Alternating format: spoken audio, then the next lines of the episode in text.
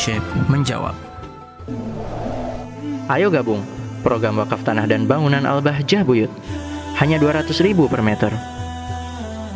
Assalamualaikum warahmatullahi wabarakatuh.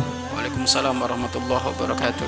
Allahumma salli ala Sayyidina Muhammad wa ala ali Sayyidina Allahumma Muhammad. salli wa sallim wa barik alaih. Abah, izinkan kami bertanya, bagaimana kalau kita nggak sengaja cabut ujung tanaman orang lain, tapi ujungnya itu udah kuning-kuning seperti itu, Abah? Saya lagi mencabut lalu nggak sengaja cabut ujung tanaman tersebut, apakah berdosa? Mencabut tanaman orang sengaja nggak sengaja minta maaf. Biasakan itu, ngerusak tamannya orang sengaja nggak sengaja minta maaf. Ya? Oh, sudah tahu di situ ada tanaman dicabut, nggak sengaja ya bukan nggak sengaja, memang itu teledor. Ya, minta maaf. Assalamualaikum Ibu Haji, mohon maaf punten tanamannya kecabut Bu Haji. Bagaimana Bu Haji? Ganti, ganti. Kalau Bu Haji ngomong ya sudah nggak apa-apa.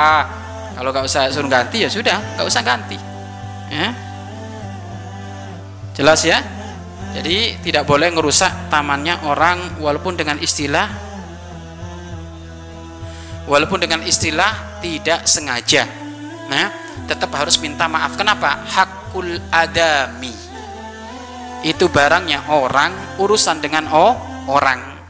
Tidak boleh dengan kalimat tidak sengaja menjadikan terlepas urusan hakul adami karena barangnya orang rusak, tamannya orang ru rusak, maka tidak boleh harus minta maaf, minta halal terlebih dahulu.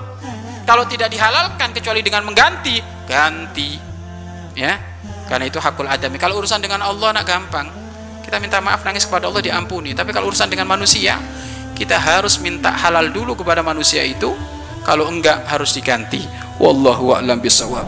Mari berinfak untuk operasional lembaga pengembangan dakwah Al-Bahjah Buyut.